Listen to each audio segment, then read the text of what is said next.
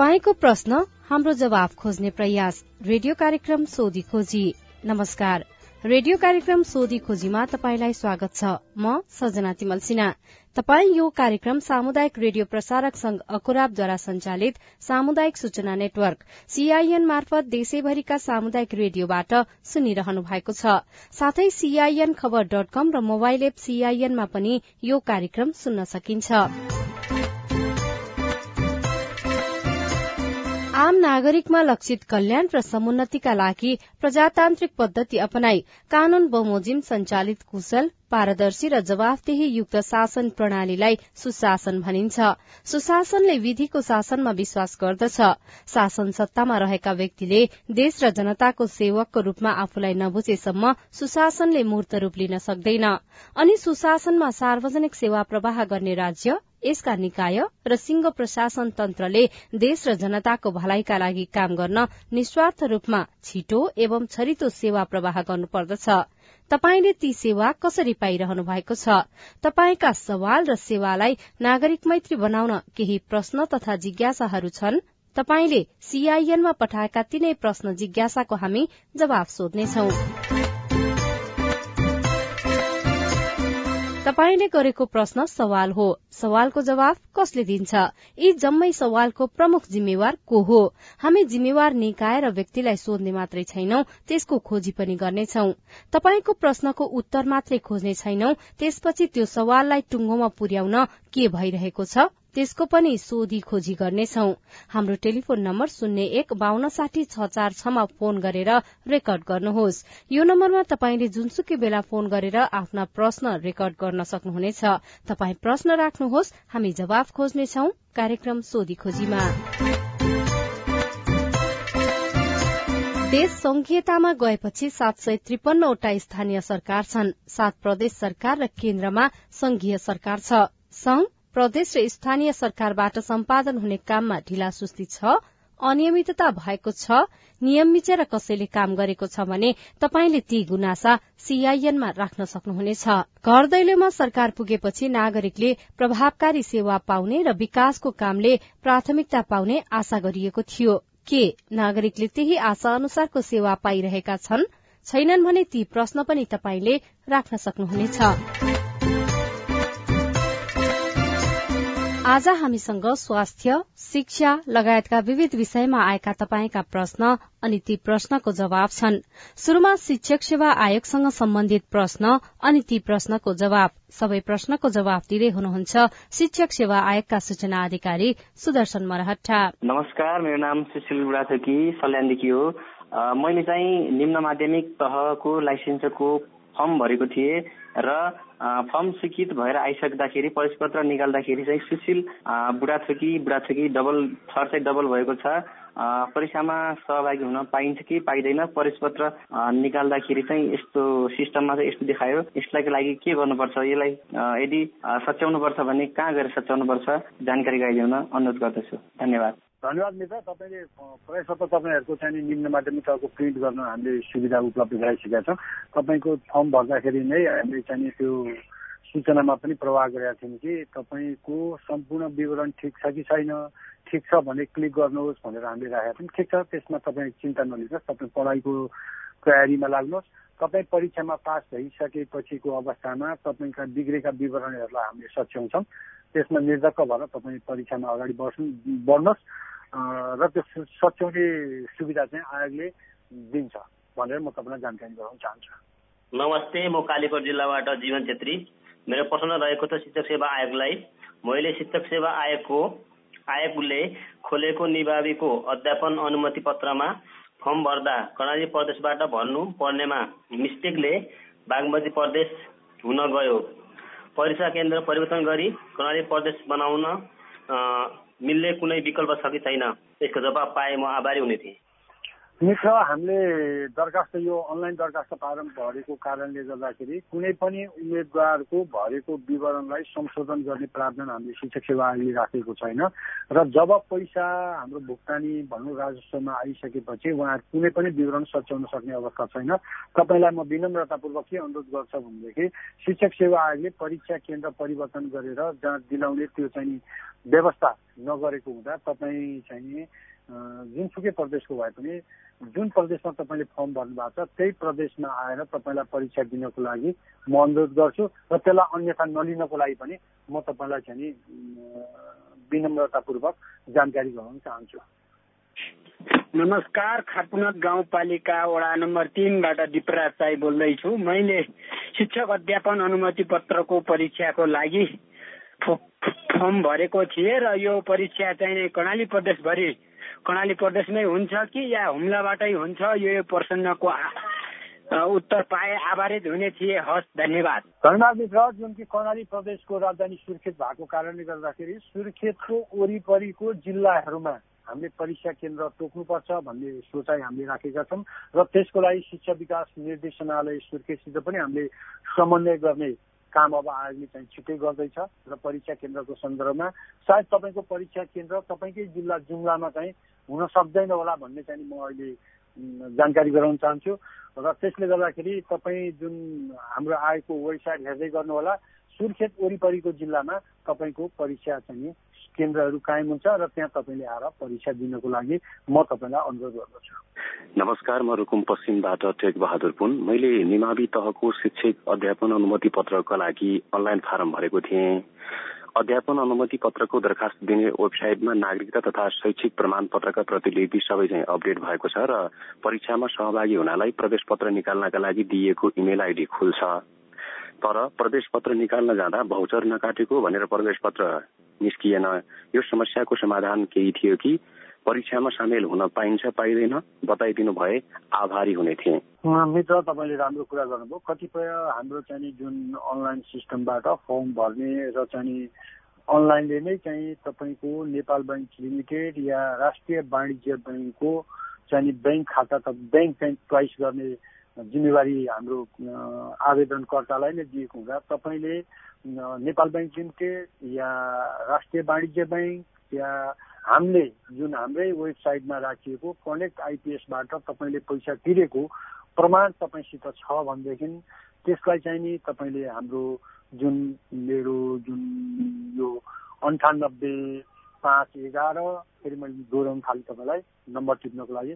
अन्ठानब्बे पाँच एघार जिरो बत्तिस उनान्सयमा तपाईँले कार्यालय समयभित्र सम्पर्क गर्नुभयो भने तपाईँलाई त्यहाँ सहजीकरण पनि गर्नेछौँ र अर्कोतर्फ यदि तपाईँले ब्याङ्क मार्फत पैसा तिर्नु भएको छ भनेदेखि एकतालि ब्याङ्कमा तपाईँलाई सम्पर्क गर्नको लागि म अनुरोध गर्छु। किनकि कतिपय अवस्थामा ब्याङ्कको चाहिँ आफ्नो व्यस्तता ले गर्दाखेरि यो राजस्वमा उहाँहरूले चाहिँ पोस्टिङ नगरिदिएको कारणले पनि हाम्रो सिस्टममा पैसा नतिरेको देखिन सक्छ। यदि एकताल तपाईँले ब्याङ्कमा पनि सम्पर्क गर्नुहोस् र कार्यालय समयभित्र मैले अहिले उल्लेख गरेको नम्बरमा सम्पर्क गर्नुभयो भनेदेखि तपाईँलाई शिक्षक सेवा आयोगको तर्फबाट सहजीकरण गर्छ र तपाईँलाई परीक्षामा बस्ने वातावरण आयोगले सिर्जना गर्छ भनेर म तपाईँलाई जानकारी गराउन चाहन्छु। तर उहाँले रकम पैसा नै राजस्व नै बुझाउनु भएको छैन भने त्यसको हकमा के हुन्छ? यदि हाम्रो चाहिँ भनौँ शिक्षक सेवा आयोगले सिङ्गल दस्तुरको म्याद जुन नौ गते बेलुका बाह्र बजीसम्म चाहिँ राखिएको थियो बाह्र बजीभित्रमा उहाँहरूले जुन सिङ्गल दस्तुरको भौचर जेनेरेट गरेर दस गते ब्याङ्किङ कारोबार हुने भित्र चाहिँ पैसा तिर्नु भएको छ त्यसको निस्सार उहाँहरूसित छ भनेदेखि त्यसलाई आयोगले हाम्रो सफ्टवेयर जुन प्राविधिक टोली मार्फत र महालेखासित समन्वय गरेर त्यसको चाहिँ पैसा तिरेको हामीले सुनिश्चित गर्छौँ। र अर्कोतिर जसले पैसा फर्म चाहिँ भर्नुभयो राजस्व तिर्नु भएको छैन भनेदेखिको अवस्थामा उहाँहरू यो पटकको परीक्षाबाट चाहिँ वञ्चित हुनुहुन्छ। किन राजस्व नतिरिकन चाहिँ उहाँहरू परीक्षामा सम्मिलित गराउने त्यो अवस्था चाहिँ शिक्षक सेवा आयोगको नरहेको कुरा म जानकारी गराउँछु नमस्कार मिति दुई हजार उनासी असार अठार गते भएको माध्यमिक तहको अध्यापन अनुमति पत्रको परीक्षामा विषय लेख्न छुटेको उत्तर पुस्तिका परीक्षण हुन्छ कि हुँदैन? म परेको परीक्षा केन्द्रको केन्द्राध्यक्ष सरले यसपालिको परीक्षामा समावेशी समूह र विषय लेख्नु पर्दैन भन्नुभएकोले हामी त्यस कक्षाभित्र पढ्ने सम्पूर्ण परीक्षार्थीहरूले विषय उल्लेख गरेनौँ। अब त्यसको के हुन्छ? धेरै चिन्ता लागेको छ। यसको बारेमा शिक्षक सेवा आयोगले बताइदिनु भए धेरै आभारी आभारी हुने थिए।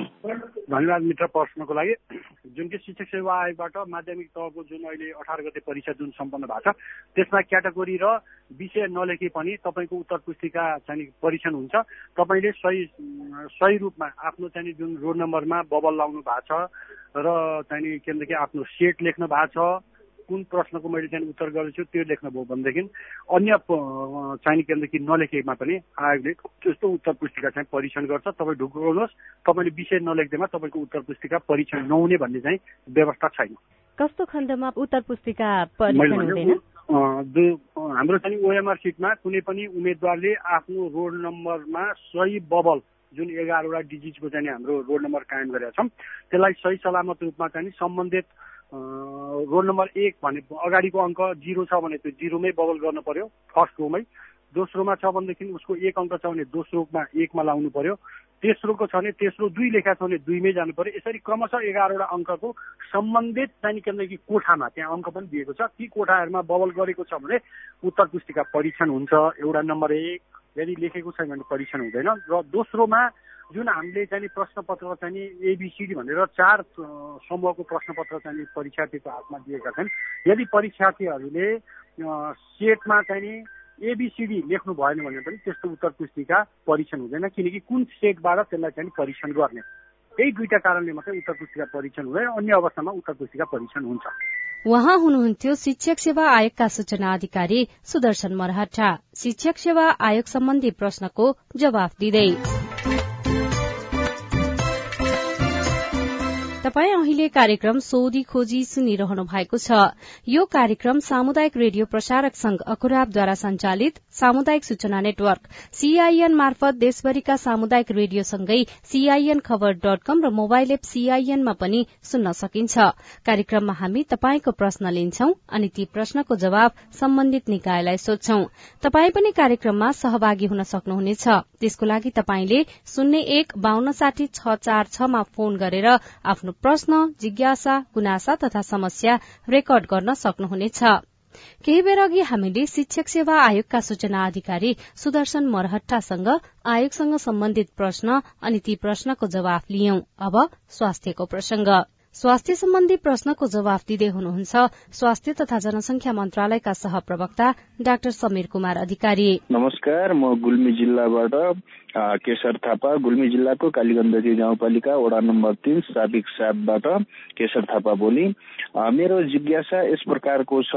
नेपाल सरकारले जुन मासिक पाँच हजार औषधि खर्च भनेर जुन घोषणा गरेको थियो जस्तै मेरुदण्ड क्यान्सर र मृगौला पीडितका लागि भनेर यो कहिलेदेखि सुचारू हुने अथवा नहुने र अनि यदि हुने हो भने त्यो जानकारी प्लस र अनि यसका लागि कहाँ हामीले के कति कागज पत्रहरू पेश गर्नु पर्ने हुन्छ कृपया यो जानकारी पनि गराइदिनु होला र स्वयं म आफै मेरुदण्ड पीडित भएको हिसाबले पनि म एउटा पूर्ण अपाङ्गको हिसाबले म मासिक चार हजारको हिसाबमा सामाजिक सुरक्षा भत्ता पनि पाइरहेको छु अथवा मेरो लागि यो दुवै भत्ता अथवा औषधि खर्च उपलब्ध हुन सक्छ या सक्दैन यो जानकारी पाउनको लागि म सम्बन्धित निकायसम्म मेरो आवाज पुर्याउन चाहे हस् हुन्छ धन्यवाद।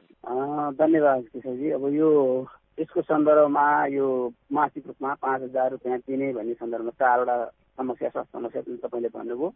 त्यही चारवटा स्वास्थ्य समस्या भएका व्यक्तिहरूलाई मासिक पाँच हजार रुपियाँ उपलब्ध गराउने भन्ने सन्दर्भमा बजेटको व्यवस्थापन र त्यसको कार्यविधि कसरी दिने कस्तो व्यक्तिलाई दिने कसरी उपलब्ध गराउने भन्ने सन्दर्भमा कार्यविधि पनि बनिसकेको अवस्था छ।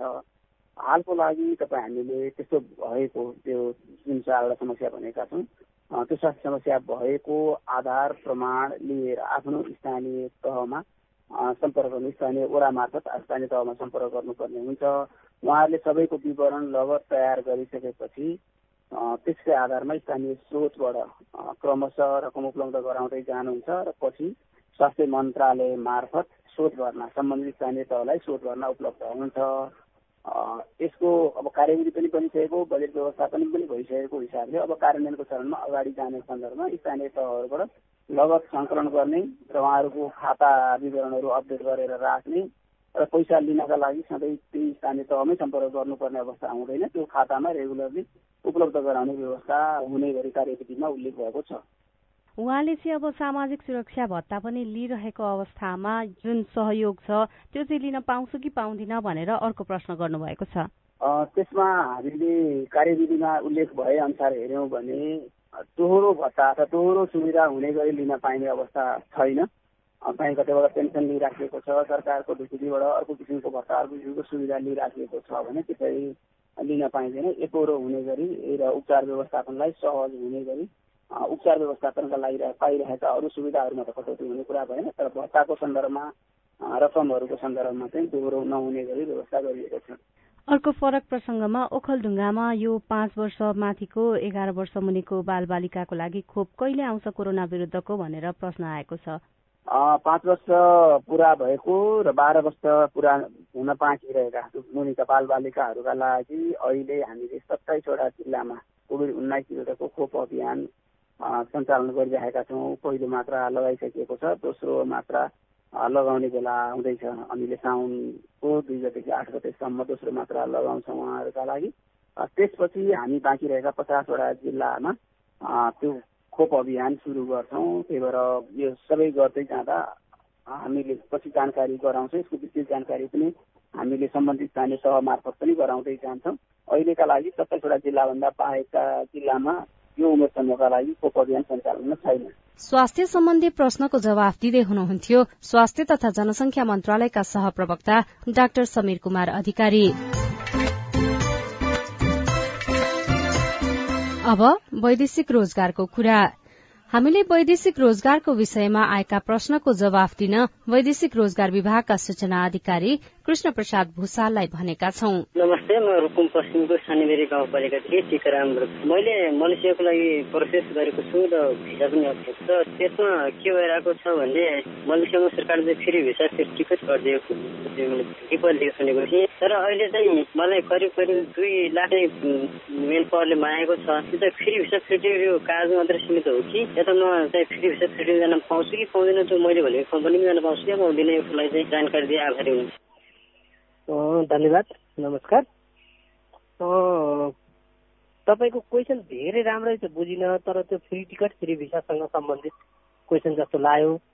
जुन देशमा सरकारले फ्री टिकट फ्री भिसा बनाएको छ र मेन पावर कम्पनीले चाहिँ त्योभन्दा बढी पैसा माग्यो भने अथवा कसैले बढी पैसा माग्यो भने त्यसरी पैसा दिने काम चाहिँ नगर्नु होला र त्योभन्दा बरु हामी विभागलाई चाहिँ तपाईँले सूचना गरिदिनु भयो भने हामी तत्कालै त्यसको अनुगमन गरेर हामी चाहिँ सम्बन्धित मेनपावर कम्पनीलाई कारवाही गर्नेतर्फ लाग्छौँ। तसर्थ त्यस्तो सूचना भयो भने चाहिँ हामीलाई सहयोग हुनेछ। हजुर।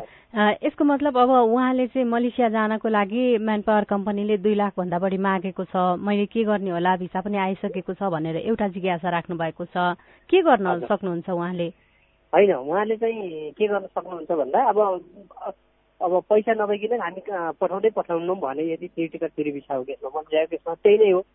भन्यो भने विभागमा आएर एउटा उजुरी दिनु त्यसपछि चाहिँ हामी सम्बन्धित मेन कम्पनीसँग चाहिँ इन्क्वायरी गरेर त्यसमा चाहिँ विभागले आवश्यक कारवाही सरकारले विभिन्न देशको लागि फ्री भिसा फ्री टिकट भनेर घोषणा गरेको छ तर पनि यो कार्यान्वयनमा चाहिँ म्यान पावर कम्पनीहरू हावी भइरहेको देखिन्छ भन्ने गुनासाहरू पनि आउने गरेका छन् नि।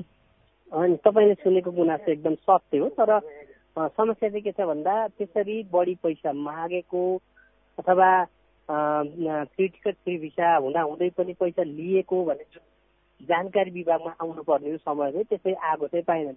गुनासो चाहिँ बाहिर बाहिर चाहिँ गर्ने। तर विभागमा आएर उजुरी दिने चाहिँ असाध्यै कम देखिन्छ। जहाँ उजुरी आउँछ त्यहाँ चाहिँ हामीले तत्कालै छापा मार्न सक्छौँ र तत्कालै मेन पावर कम्पनीलाई कारवाही गर्न सक्छौँ। केही समय अगाडि पनि हामी त्यस्तै एउटा खबर पाएर मेन पावर कम्पनीको नाम त मैले ठ्याक्कै बिर्सेँ। हाम्रो साथीहरू चाहिँ पुग्नु भएको थियो र झ्यालबाट चाहिँ पैसा फालेर भागेको थियो भन्ने कुरा तपाईँहरूले सुन्नु भएको थियो र सम्बन्धित पावर कम्पनीले हामीले कारवाही गरिरहेको भएको छ। तसर्थ त्यस्तो सूचना छ भने हामीलाई जानकारी दिनुहोस्। त्यसले चाहिँ हामीलाई सहयोग पुग्छ र हामी आवश्यक कारवाही गर्छौँ। कोही व्यक्ति विदेश जान चाहनुहुन्छ तर उहाँहरू म्यान पावर कम्पनीसँग सम्पर्कमा नगइकन अरू कुनै सरकारी निकाय छ जहाँबाट ठगिने सम्भावना कम हुन्छ उहाँहरू विदेश जान चाहनेहरूको लागि? होइन अब कतिपय ठाउँमा त सरकारले जिटुजी मार्फत पनि लगेको छ जस्तो उदाहरणका लागि इजरायल हामीले त्यसरी पठाइरहेको छौँ कोरियामा हामीले त्यसरी त्यस मार्फत पठाइरहेको छौँ होइन। अन्य देशमा अब पनि पठाउने क्रम छ जस्तो जापानको कुरा त्यसपछि युकेको कुरा पनि भइरहेछ फाइनल चरणमा नपुगे पनि। तर अरू सबै त्यसपछि त्यसरी सरकारी स्तरबाट पठाइएको छैन। तर पनि मेन पावर कम्पनी भनेका पनि सरकारी संयन्त्रमा दर्ता भएका सरकारी संयन्त्रले नवीकरण गर्ने र वास्तविक रूपमा चाहिँ उनीहरूको चाहिँ सबै विवरण अध्यावधिक गर्न पर्ने निकाय भएको हुनाले उनीहरूले कुनै न कुनै रूपमा चाहिँ अब सरकारको चाहिँ नियमनभित्र रहेर चाहिँ काम गर्नुपर्ने हुन्छ। तसर्थ सरकारले तोकेको भन्दा बढी पैसा उनीहरूले लिन पाउँदैनन्। तर कतिपय अवस्थामा तपाईँले भने जस्तो त्यस्ता कुराहरू सुनिन्छन् तर मेन्टार कम्पनीसँग चाहिँ सम्बन्धित व्यक्तिले चाहिँ जे डिल गरेको हुन्छ त्यो कुरा चाहिँ कारवाही भइसकेपछि डिल भइसकेपछि चाहिँ बाहिर आउँछ। मैले यति दिएँ भनेर भन्ने कुरा आउँछ। तर दिनभन्दा अगाडि चाहिँ त्यसरी विभागको नोटिसमा आएको हुँदैन। तसर्थ मैले के आग्रह गरेँ भन्दाखेरि त्यस्ता सूचना छन् भने हामीलाई हुनुभन्दा अगाडि चाहिँ जानकारी गराउनुहोस्। कसैले माग्छ भने त्यसरी मागेको छ भनेर जानकारी गराउनुहोस्। त्यस त्यति बेला चाहिँ हामी कारवाही गर्न सक्छौँ म चाहिँ रामेछाप जिल्ला दोलमा गाउँपालिकाबाट मणिक तामाङ बोलेको। म चाहिँ हाल मलेसियाबाट पालि एनबिसी मार्फत नेपाल आएको थियो।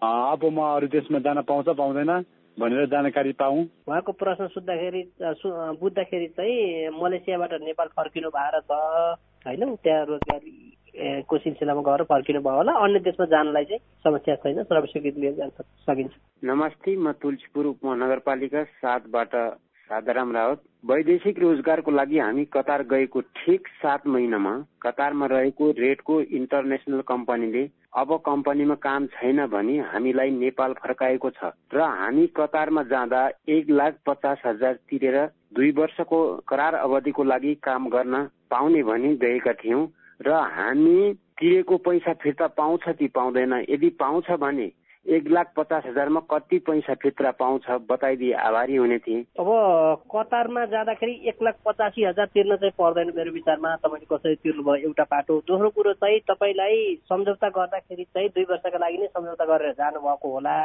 त्यो सम्झौता बमोजिम तपाईँ त्यहाँ काम गर्न नपाएको नपाएको अवस्थामा त्यो तपाईँ क्षतिपूर्ति समेत पाउनुहुन्छ। त्यसको लागि चाहिँ सम्पूर्ण बेहोरा खुलाएर विभागमा निवेदन दिनुभयो र कागजात राखेर सबै कागजात राखेर दिनुभयो भने हामी आवश्यक कारवाही गर्छौँ। के के कागजातहरू उहाँले पेश गर्नु पर्ने होइन उहाँ जाँदाखेरिको भिसा एग्रिमेन्ट त्यसपछि उहाँले तिरेको पैसाको रेकर्ड त्यस्ता कुराहरू भयो भने हामी गर्न सक्छौँ। कारवाही गर्छु भन्नुभयो कस्तो कारवाही हुन्छ? होइन क्षतिपूर्ति दिलाउनेतर्फ हामी कारवाही गर्छौँ। हेलो म नेपालगञ्ज डुडा गाउँपालिका वार्ड नम्बर पाँच म गोपाल परियार बोल्दैछु। मेरो चाहिँ शङ्कर परियार चाहिँ कामको लागि चाहिँ दुबई जानुभएको थियो। दुबई गइसकेपछि त्यहाँ काम राम्रोसँग चाहिँ भएन र उहाँ अहिले चाहिँ त्यो एनआइसी म्यान पावरबाट गएको अनि त्यो अहिले फर्काउँदैछन्। अब फर्काइसकेपछि के हुन्छ? त्यहाँ पैसा हाम्रो फिर्ता हुन्छ वा हुँदैन? या त अर्को ठाउँमा पठाउन के हुन्छ? या त त्यो नपठाएपछि पैसा न नदिएपछि त्यो कम्पनीलाई कारवाही हुन्छ कि के हुन्छ? यो स्पष्ट गराइदिएको भए म लगायत यो आउने एक सय पैँतालिसजना साथीहरू चाहिँ स्पष्ट हुने थियो भन्ने लागिरहेछ। अब यदि श्रम स्वीकृति लिएर नै तपाईँ युएई जानुभएको हो र त्यहाँ चाहिँ भने अनुसार अथवा सम्झौतामा भए अनुसारको काम र सोही बमोजीको तलब सुविधा पाउनु भएको रहन्छ भनेदेखि कम्पनीले चाहिँ क्षतिपूर्ति समेत दिनुपर्ने हुन्छ। तपाईँले दिएको चाहिँ पैसाको रेकर्ड के छ त्यो मलाई थाहा हुने कुरो भएन। तपाईँले आफूले दिएको पैसाको कागजात र सँगसँगै त्यो सम्झौता पत्र छ भने तपाईँले सम्झौता पत्र र तपाईँका भिसा लगायतका कागजात ल्याएर हाम्रो विभागमा चाहिँ निवेदन दिनुभयो क्षतिपूर्ति पाऊँ भनेर भने हामी कम्पनीको मार्फत तपाईँलाई क्षतिपूर्ति दिलाउन प्रयास गर्छौँ र तपाईँले क्षतिपूर्ति समेत पाउनुहुनेछ। वैदेशिक रोजगारको विषयमा आएका प्रश्नको जवाफ दिँदै हुनुहुन्थ्यो। वैदेशिक रोजगार विभागका सूचना अधिकारी कृष्ण प्रसाद भूषाल।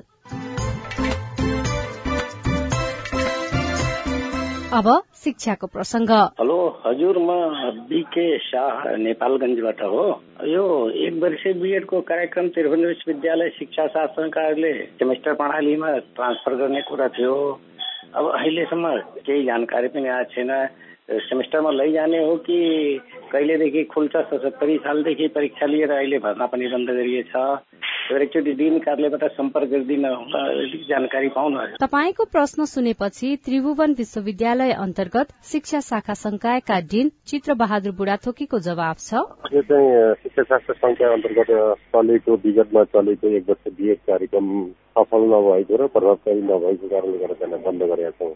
विद्यार्थीहरू भर्ना हुने पढ्न नआउने टिचरले नपढाउने त्यस पछाडि शिक्षा शास्त्र संख्याले फेरि तालिम प्राप्त हो भनेर चाहिँ लाइसेन्स दिनु गाडी देखाउने गाडी चलाउनु नसिकाएर चाहिँ ड्राइभिङ लाइसेन्स दिने जस्तो लाइसेन्स बाँधियो त्यस कारणले त्यसको बन्द भएको हो त्यस कारणले हामीले चाहिँ अहिले त्यसको चाहिँ विद्यार्थीहरू रेगुलर पढ्न सक्ने विद्यार्थीहरूले सिट सिकेर मात्रै जाँच लिएर त्यसको प्रक्रिया पुरा गरेर मात्रै चाहिँ हामीले चाहिँ बिएडको चाहिँ तालिम प्राप्त हुने प्रक्रिया दिनको लागि चाहिँ अलि प्रभावकारी बनाएर सेमेस्टर सिस्टमको लागि चाहिँ तयारी भइरहेको छ। अब पाठ्यक्रमहरू बन्ने सुरु भएको छ। केही महिना लाग्छ। अब सम्भव भएसम्म अब यो यो आर्थिक यो शैक्षिक सत्रमै खुल्छ तर सबै विषय खुल्दैन केही विषयहरू खुल्छ बिस्तारै बिस्तारै सबै विषयको खुल्छ भनेको अझै पनि झन्डै झन्डै एक वर्ष लाग्ने देखियो केही विषय खुल्छ सबै अब धेरै विषयहरू छ सबै विषय चाहिँ अहिले तत्काल चाहिँ खुल्दैन यो तयारी गर्दैछौँ पहिले जस्तो हामीले पहिले चाहिँ के गर्यो परिक्रम बनाइदियो क्याम्पसलाई दियौँ क्याम्पसले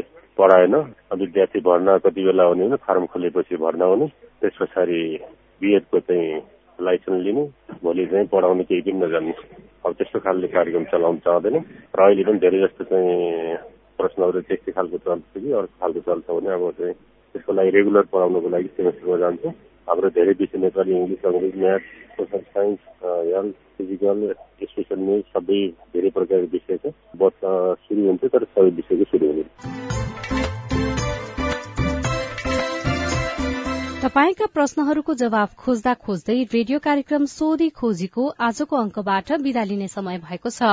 तपाईँलाई यो कार्यक्रम कस्तो लाग्यो? नागरिकले प्राप्त गर्ने सेवा र विकास निर्माणको कामलाई गुणस्तरीय र प्रभावकारी बनाउन के गर्नु पर्ला तपाईँका केही सुझाव र टिप्पणी छन् भने हाम्रो टेलिफोन नम्बर शून्य एक बान्न साठी छ चार छमा फोन गरेर रेकर्ड गर्नुहोस्। यो नम्बरमा तपाईँले जुनसुकै बेला फोन गरेर आफ्नो प्रश्न रेकर्ड गर्न सक्नुहुनेछ। तपाई प्रश्न राख्नुहोस् हामी जवाब खोज्नेछौ कार्यक्रम सोधी खोजीमा। यो कार्यक्रमलाई थप प्रभावकारी बनाउन तपाईँको सुझाव महत्वपूर्ण रहनेछ। हेलो सीआईएनमा हरेक दिन र रेडियो कार्यक्रम मार्फत अर्को हप्ता तपाईँका प्रश्नको जवाब खोज्दै आइपुग्नेछौ। आजका लागि प्राविधिक साथी सुनिल राज भारतलाई धन्यवाद। अहिलेको रेडियो कार्यक्रम सोधी खोजीबाट सजना तिमल सिना विदा हुन्छु। प्रश्न सोध्न अप्ठ्यारो नमानौ। नमस्कार।